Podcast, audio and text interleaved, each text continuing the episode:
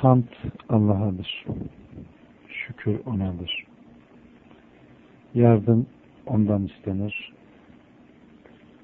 Ancak O'na sığınılır. Ancak O umulanır. O bize dinini en güzel bir şekilde ikmal etmiş. Resul Aleyhisselatü Vesselam'la ise dinini tamamlamış ve bize nasıl yaşayacağımızı, nasıl hareket edeceğimizi öğretmiştir. Bugünkü sohbetime konu olan mesele ise gıybet ve dedikodu. Öyle bir hale gelmiş ki bu, öyle birbirine karıştırılmış ki, günümüz insanların arasına öyle bir yayılmış ki, dünya arzusu, makam ve mevki, otorite ve güç, işte bunlar gıybete iten en büyük sebeplerdir. Çünkü kişi falanın hayatını kazanmada kendisiyle rekabet ettiğini zanneder. Bu sebeple onu kötü işlerin seviyesine indirerek kendi sıkıntısını giderir. Fakat bu yaptığıyla bir yasağı çiğnemiş olur. Bu sebeple çarşıları gıybetin en çok yapıldığı yerler olarak görürsünüz. Şu yaşadığımız dünyaya geldiğimizde insanlar arasında hayat sadece maddi ilişkiler içerisinde ilerleyen bir hayat oldu. İnsanlar ister yasal, ister yasak yollardan olsun, para biriktirmekten başka bir şeye önem vermez oldular. İyi giyinmeyi, iyi konuşmayı, ev sahibi, arsa sahibi, araba sahibi olmayı bir düstur edindiler. İşte bu yüzden kardeşlerim bu çağda bu hastalık daha da fazla yayıldı. Bir ev satın almak, bir kadınla evlenmek veya bir sosyal statü kazanmak vesaire gibi herhangi bir şeyde rekabet kişiyi gıybete iten nedenlerdendir. Gıybetin bu asırda yayılmasının etkenlerinden birisi de insanların ilimden ve mescitlerden uzak olmasıdır. Gıybetin İslam'daki hükmünü düşünmüyorlar. Dilin büyük tehlikesini ve verdiği zararları kavrayamıyorlar. Böylece batıla dalıyorlar. Gıybetin yayılmasının nedenlerinden biri de boş vakittir. İnsanların onurlarına, şereflerine leke sürenler dışında gıybetle uğraşan kimseyi bulamazsın.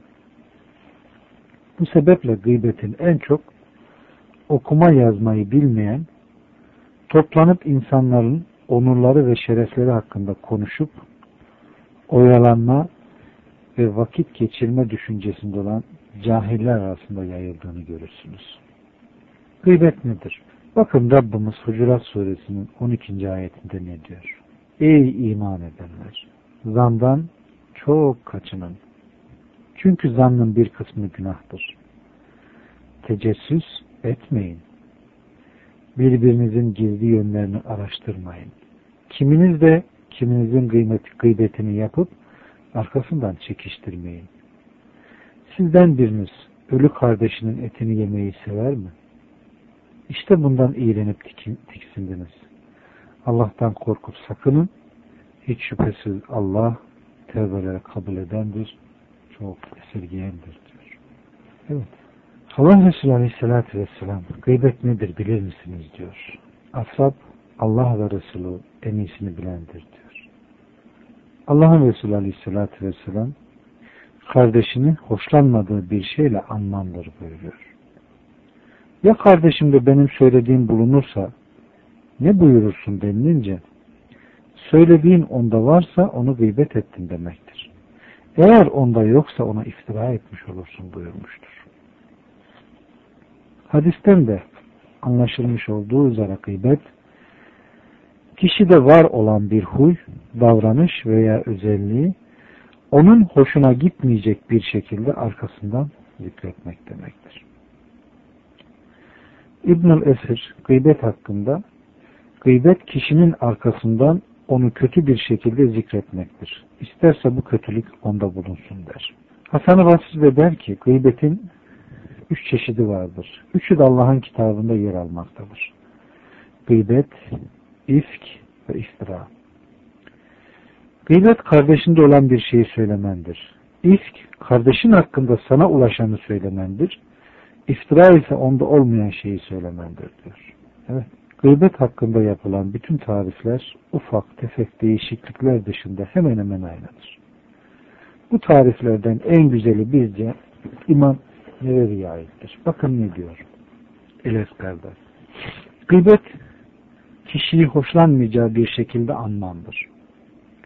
Bu ister kişinin bedeni, dini, dünyası, nefsi, yaratılışı, ahlakı, malı, çocukları, ana babası, eşi, hizmetçileri, kölesi, sarığı, elbisesi, yürüyüşü, gülüşü, şakası, asık suratı, sertliği yönüyle olsun, isterse bunun dışında bunlarla ilgili şeyler olsun birdir. Bunu sözle, yazıyla, işaretle veya remizle, gözünle, elinle ve başınla yahut benzeri bir şeyle ifade etmekte birdir der. Evet. Tariften anlaşıldığı gibi gıybet sadece dillen yapılmaz. Kişinin hoşuna gitmeyecek şekilde onu el-gol hareketiyle, işaretle, imayla, yazıyla, kaş-göz hareketiyle anmak da gıybetin kapsamına girer. Çünkü bedenin bir değil, birçok dili vardır. Burada önemli olan kişinin yaptığı gıybetin bir başkası tarafından anlaşılıp anlaşılmadığıdır. Bunun yöntem ve şekli önemli değildir. Bu hususta Ayşe annemizden şöyle bir hadis gelir. Dedi ki, Allah Resulü Aleyhisselatü Vesselam'a bir kişinin taklidini yaptım. Allah Resulü Aleyhisselatü Vesselam ona şu kadar ve şu kadar verilse bile herhangi bir kişinin taklidini yapmak hoşuma gitmez buyurdu. Ayşe annemiz diyor ki bir defa ya Resulallah dedim Safiye şu kadarcık bir kadın Ayşe onun kısa boylu olduğunu kastedercesine eliyle şöyle işaret etti. Bunun üzerine Allah Resulü Aleyhisselatü Vesselam sen amellerini öyle bir kelimeyle karıştırdın ki onunla denizin suyu karıştırılmış olsa şüphesiz karışır, suyun şekli değişirdi. Evet. Gıybet ve iftira aynı şeyler midir? Gıybet, kişinin hoşuna gitmeyecek şeyi arkasından konuşmak, İftira ise kişi hakkında kötü düşünmek ve bunu yaymak kastıyla söylenen sözler ve konuşmalar. Kişi hakkında söylenen bu sözler ister bir bilgiye dayansın ister dayanmasın birdir. Bu yönüyle iftira gıybetten ayrılır. Çünkü gıybette kişi mutlak olarak zikrettiği kişiyi karalamak ve onu kötülemek gayesinde olmayabilir. Fakat bu yine de gıybetten sayılır bir sözün gıybetten sayılması için kişinin yokluğunda söylenmiş olmasının gerekliliği de söylenir. Yukarıda zikrettiğimiz hadiste geçtiği gibi söylediğin onda varsa onu gıybet ettin. Eğer onda yoksa ona iftira etmiş olursun. Evet kardeşlerim bakın Enes'ten gelen bir rivayette Allah Resulü Aleyhisselatü Vesselam ne diyor? Miraca çıktığımda bakırdan tırnakları olan bir topluluk gördüm. Tırnaklarıyla yüzlerini ve göğüslerini çiziyorlar, tırmalıyorlardı. Dedim ki ya Cibril bunlar kimdir? Dedi ki bunlar insanların etlerini yiyen ve arkalarından konuşanlardır diyor. Evet kardeşlerim. Gıybet Müslümanların icmasıyla haramdır. Gıybetin haramlığını kitap ve sünnet çok açık bir delille göstermektedir. Gıybet ölmüş kimsenin etini yemektir. Maiz Allah Resulü Aleyhisselatü Vesselam'a gelip kendisini zinadan temizlemesini istedi. Allah Resulü Aleyhisselatü Vesselam onu duymazlıktan geldi. Öyle ki aynı şeyi dört kez söyledi. Beşinci defa söylerken Peygamber Aleyhisselam zina mı ettin dedi. Maiz evet dedi. Allah Resulü Aleyhisselatü Vesselam suçu sabit oluncaya kadar Maiz'e soru sordu. Daha sonra rejim edilmesini emretti. Allah Resulü Aleyhisselatü Vesselam Recmedilmesi esnasında bir sahabenin kendi arkadaşın, arkadaşına şöyle söylediği, söylediğini işitti. Şu adama bak. Allah onun suçlarını örtmüştü. Fakat nefsi köpek gibi öldürülünceye kadar peşini bırakmadı. Allah Resulü Aleyhisselatü Vesselam yürüdü. Nihayet bir eşeğin leşine rastladı. Dedi ki falan ve filan neredeler? Develerinizden inin ve bu eşeğin leşinden yiyin. İki arkadaş ya Resulullah bu yenir mi? Allah Resulü Aleyhisselatü Vesselam biraz evvel kardeşiniz hakkında söylediğiniz sözleriniz bu eşeğin leşini yemekten daha çirkindir. Nefsimi elinde tutan Allah'a yemin ederim ki o şu anda cennet ırmaklarına dalıyor buyurdu. Evet kardeşler. Rabbimiz gıybet yapmanın ölü kardeşinin etini yemekle bir tuttuğunu demin okuduk. Evet. Allah Azze ve Celle gıybeti ölmüş kardeşin etini yemeye benzetmekle bu hareketin son derece çirkin olduğunu tasvir etmiştir. Leş etinin yenmesi zaten nefse, nefret ettiricidir. Kaldı ki bu et bir hayvan eti de değil. İnsan eti olursa.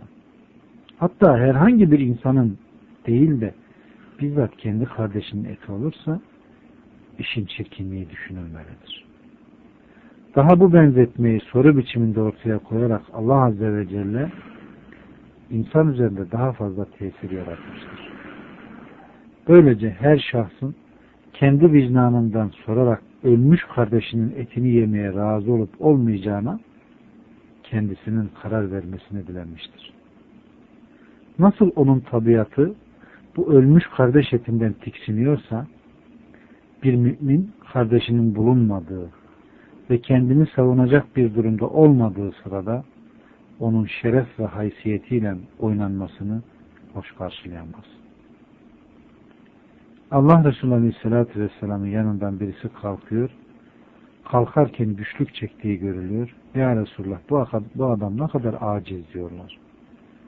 Allah Resulü Aleyhisselatü Vesselam kardeşinizin etini yediniz, onun gıybetinizi yaptınız diyor. Evet. Kula dilden sonra kulaktan çok zarar veren bir organ yoktur. Çünkü kulak kalbin en hızlı elçisidir.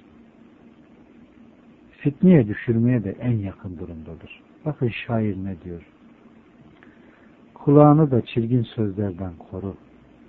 Tıpkı dilini onları konuşmaktan koruduğun gibi.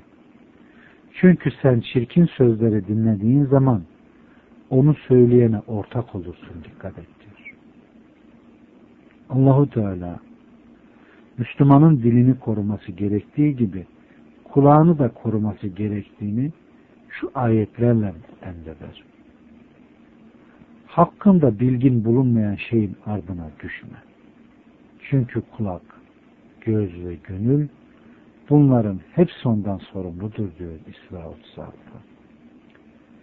Yine Rabbimiz bir ayetinde Müslümanların bu tür batıl ve boş konuşmaları duyduklarında yüz çevirmelerini emrederek ayetlerimiz konusunda alaylı tartışmalara dalarlar. Onlar bir başka söze geçinceye kadar onlardan yüz çevir. Şeytan sana unutturacak olursa bu durumda hatırlamadan sonra artık zulmeden toplulukla beraber oturma diyor Enam Boş ve yararsız sözü işittikleri zaman ondan yüz çevirirler ve bizim yapıp ettiklerimiz bizim, sizin yapıp ettikleriniz sizindir. Size selam olsun. Biz cahilleri benimsemeyiz derler. Kasas 55'te. Evet kardeşlerim. Ali radıyallahu anh da şöyle diyor. Ey insanlar! Kim bir kardeşinin yolunun doğruluğunu, dininin sağlamlığını biliyor, onu öyle tanıyorsa, onun hakkında başkalarının sözlerini kesinlikle dinlememelidir. Ok atan bazen hedeften şaştığı gibi söz de bazen, bazen hatalı olur. Seni batıla iter, söz boşa gider. Allah ise işiten ve görendir. Hak ile batıl arasında ancak dört parmak mesafe vardır.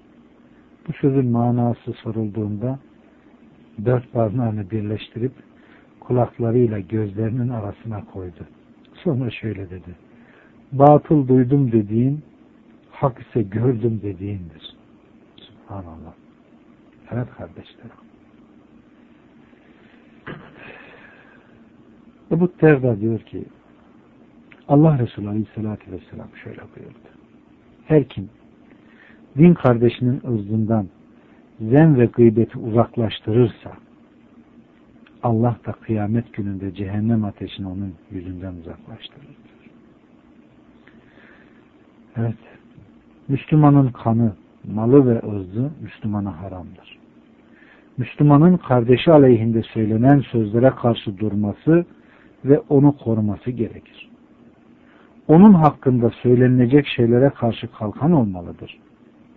Kişinin kendisi için istemediğini kardeşi için istemesi nasıl nasıl hoş görülmüyorsa Müslüman kardeşimizin gıybetinin yanımızda yapılması da hoşumuza gitmemelidir.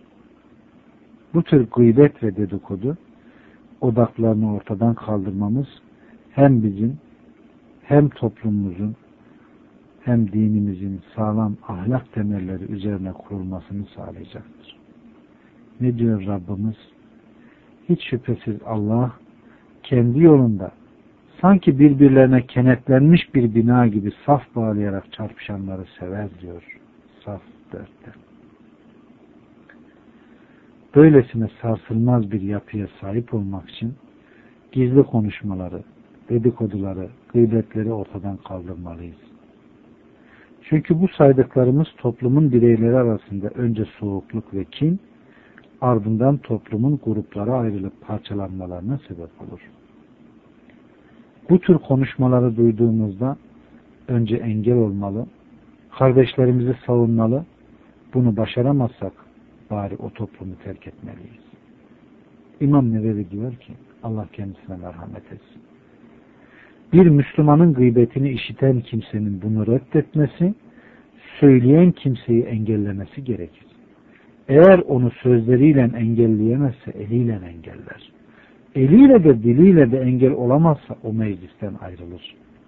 Eğer hocasının kendisi üzerinde hakkı olan bir kimsenin veya üstün ve salih kimselerin gıybetini işitirse anlattığımızdan daha fazla özen göstermesi gerekir. Evet.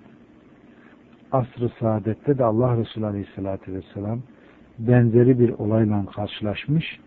Bir adam ashabtan birinin gıybetini yapınca yapılan gıybete karşı sahabesini korumuş ve onu şu şekilde savunmuştur. İbban bin Malik diyor ki Peygamberimiz Aleyhisselatü Vesselam namaz kılmak için ayağa kalktı ve Malik bin Duhşum nerede diye sordu. Oradakilerden biri o ne Allah'ı ve ne de onun Resulünü sevmeyen bir münafıktır dedi. Bunun üzerine Allah Resulü Aleyhisselatü Vesselam şöyle dedi. Öyle deme. Sırf Allah rızasını kazanmak amacıyla La ilahe illallah dediğini görmüyor musun? Yüce Allah sırf kendi rızasını kazanmak amacıyla La ilahe illallah diyen kimseyi cehennem ateşine haram kılmıştır diyor. Evet. Gıybet konusunda Allah Resulü Aleyhisselatü Vesselam'ı insanlığın muallimi olarak kabul eden ve onu, ve onu örnek alan ashabın tavrı da aynı şekilde olmuştur. Müslüman bir kardeşleri hakkında yapılan bir gıybeti duyduklarında onu savunmuşlardır. Kaab bin Malik radıyallahu anh Tevbe bölümünde geçen hadise baktığımızda Peygamberimiz Aleyhisselatü Vesselam'la Tebük seferine katılan sahabeler arasında otururken Kaab bilen Malik ne yaptı? Nerede diye sorulduğunda Seleme oğullarından biri çift hırkası ile sağına soluna bakınıp caka satması onu sefere katılmaktan alıkoydu dedi. Bunun üzerine Muaz bin Cebel adama ne çirkin sözler söyledin dedikten sonra Allah Resulü Aleyhisselatü Vesselam'a Vallahi ya Resulullah onun hakkında hayırdan başka bir şey bilmiyoruz dedi. Allah Resulü Aleyhisselatü Vesselam ise hiçbir şey demedi. Evet. Alın size örnek. Abdullah bin Akim'e Ey Ebu Mabed sen onun yani Hazreti Osman'ın kanının akıt almasına yardımcı oldun mu diye sorulduğunda şöyle cevap verdi. Bir adamın hatalarını söylemek, onun kanının akıtılmasına yardımcı olmak demektir dedi. Evet. Ölmüş Müslümanın gıybetini yapmanın, yaşamakta olan Müslümanın gıybetini yapmaktan daha kötü ve günah olduğunda şüphe yoktur. Çünkü yaşayan kimsenin, ölü kimsenin aksine seni affetmesi ve hakkını helal etmesi mümkündür. Ebu Davud'dan gelen bir rivayette arkadaşınızın arkadaşınız öldüğünde ona dua edin. Onun gıybetini yapmayın diyor. Müslümanın ölen kişiye karşı tavrı onun gıybetini yapmak değil, onu daima hayırla yad etmek olmalıdır. Ölmüş kimse kendisini koruyamaz, savunamaz. Bu nedenle ölü kimsenin gıybetini yapmak daha çirkindir.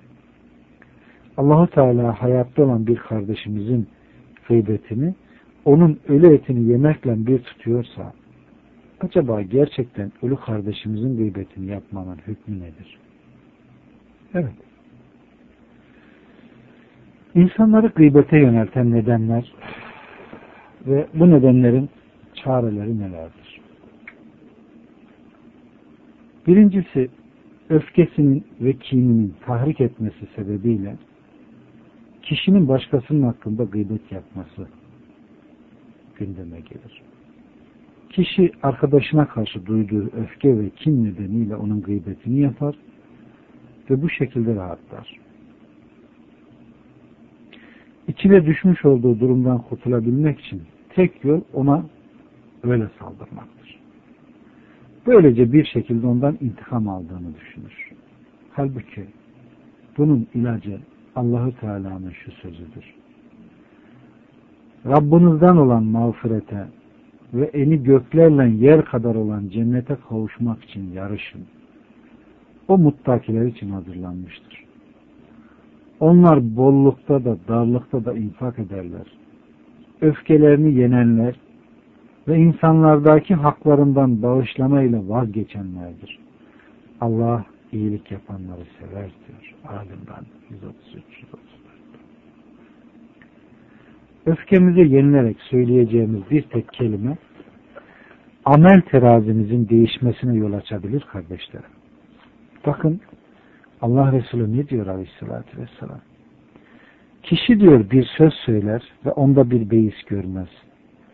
Fakat o söz yüzünden cehennemde 70 yıl dibe doğru düşer buyuruyor konuşmalarımıza dikkat etmemizin yanı sıra kelimelerimizi seçerken dahi hassas davranmalı, basit gördüğümüz bir sözün, bir yanlışın akıbetinin büyük olacağını unutmayalım. İkincisi, arkadaş ve dostların bu hususta birbirlerini teşvik etmeleri, onların bu konuda sergiledikleri uyum. Böyle bir durumda kişi dostlarına gıybet yapmanın büyük bir günah olduğunu anlatamadığı gibi gıybetini yaptığı kişiye karşı insaflı davranılmasını isteyemez. Arkadaşları onu gıybet yapmaya teşvik edecek, o da hoş görünmek için onlara uymak zorunda kalacak ve onların bu batıl konularına bir şekilde katılacaktır. Onları memnun etmek için gıybet yapmaya gelince şunu bilmelisin ki İnsanların gıybetini yapmakla Allah'ın öfkesini üzerine çekersin. Allah'ın hoşuna gitmeyen bir şeyle insanları memnun etmeye nasıl kalkışırsın? Allah'ı razı etmek yerine insanları razı etmeye asla kalkışma. Bunun ilacı bu tür arkadaşlarla beraber olmakla kaçınman ve boş söz duyduğunda yüz çevirmendir. Ebu Musa'dan gelen bir rivayette Allah Resulü Aleyhisselatü Vesselam bakın ne diyor. İyi arkadaşla kötü arkadaşın misali misk taşıyanla körük üfüren gibidir. Misk taşıyan ya sana ondan verir yahut satın alırsın yahut da o miskten güzel bir koku duyarsın. Körük üfüren ise ya senin elbiseni yakar yahut ondan pis bir koku duyarsın diyor. Evet. Üçüncü sebebi ise diğer insanları küçümsemek, alay almak ve onları aşağılamaktır. Allah Azze ve Celle ey iman edenler bir kavim bir başka kavimle alay etmesin. Belki kendilerinden daha hayırlıdırlar. Kadınlar da kadınlarla alay etmesin. Belki kendilerinden daha hayırlıdır diyor Hucurat 11'de. Evet. Dördüncüsü ise başkalarını hatalı göstererek kendisini üstün çıkarmak. Evet, gıybetin sebeplerinden bir tanesi. Kişi falan cahildir, anlayışı kıttır, filan iyidir, falan şöyle şöyle hatalar işlemiştir ya da onu çok severim, Allah için çok seviyorum. Fakat bir de şu huyu olmasa gibi diyerek güya bu hataların kendisinde olmadığını, kendisinin anılan şahıstan üstün olduğunu ispatlama çabası içine girer. Onun her hatasını zikrettikçe içi rahatlar, kendisinin yüceldiğini sanır. Halbuki ahmak kendisini alçaltır. Bunun ilacı kişinin Allah katında olan şeyin daha hayırlı ve kalıcı olduğunu unutmamasıdır. Belki de bu kul Allah katında senden daha üstündür.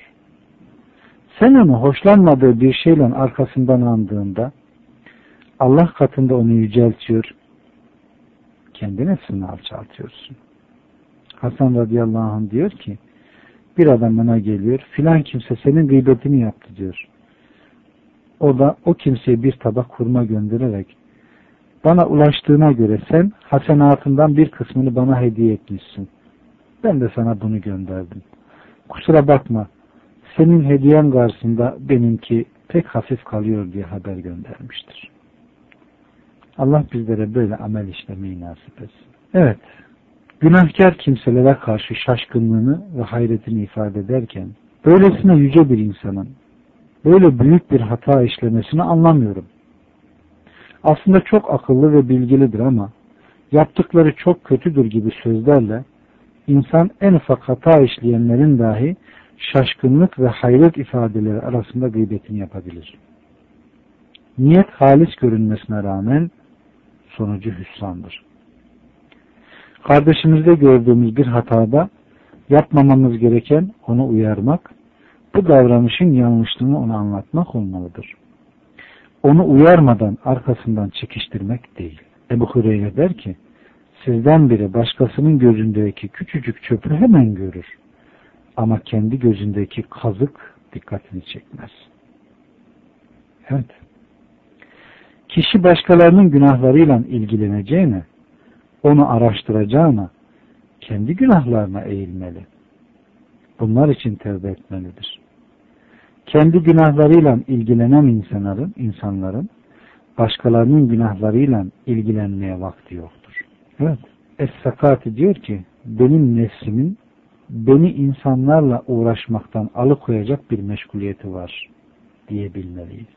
Evet. Bazen de gıybet şaka ve eğlence için yapılır.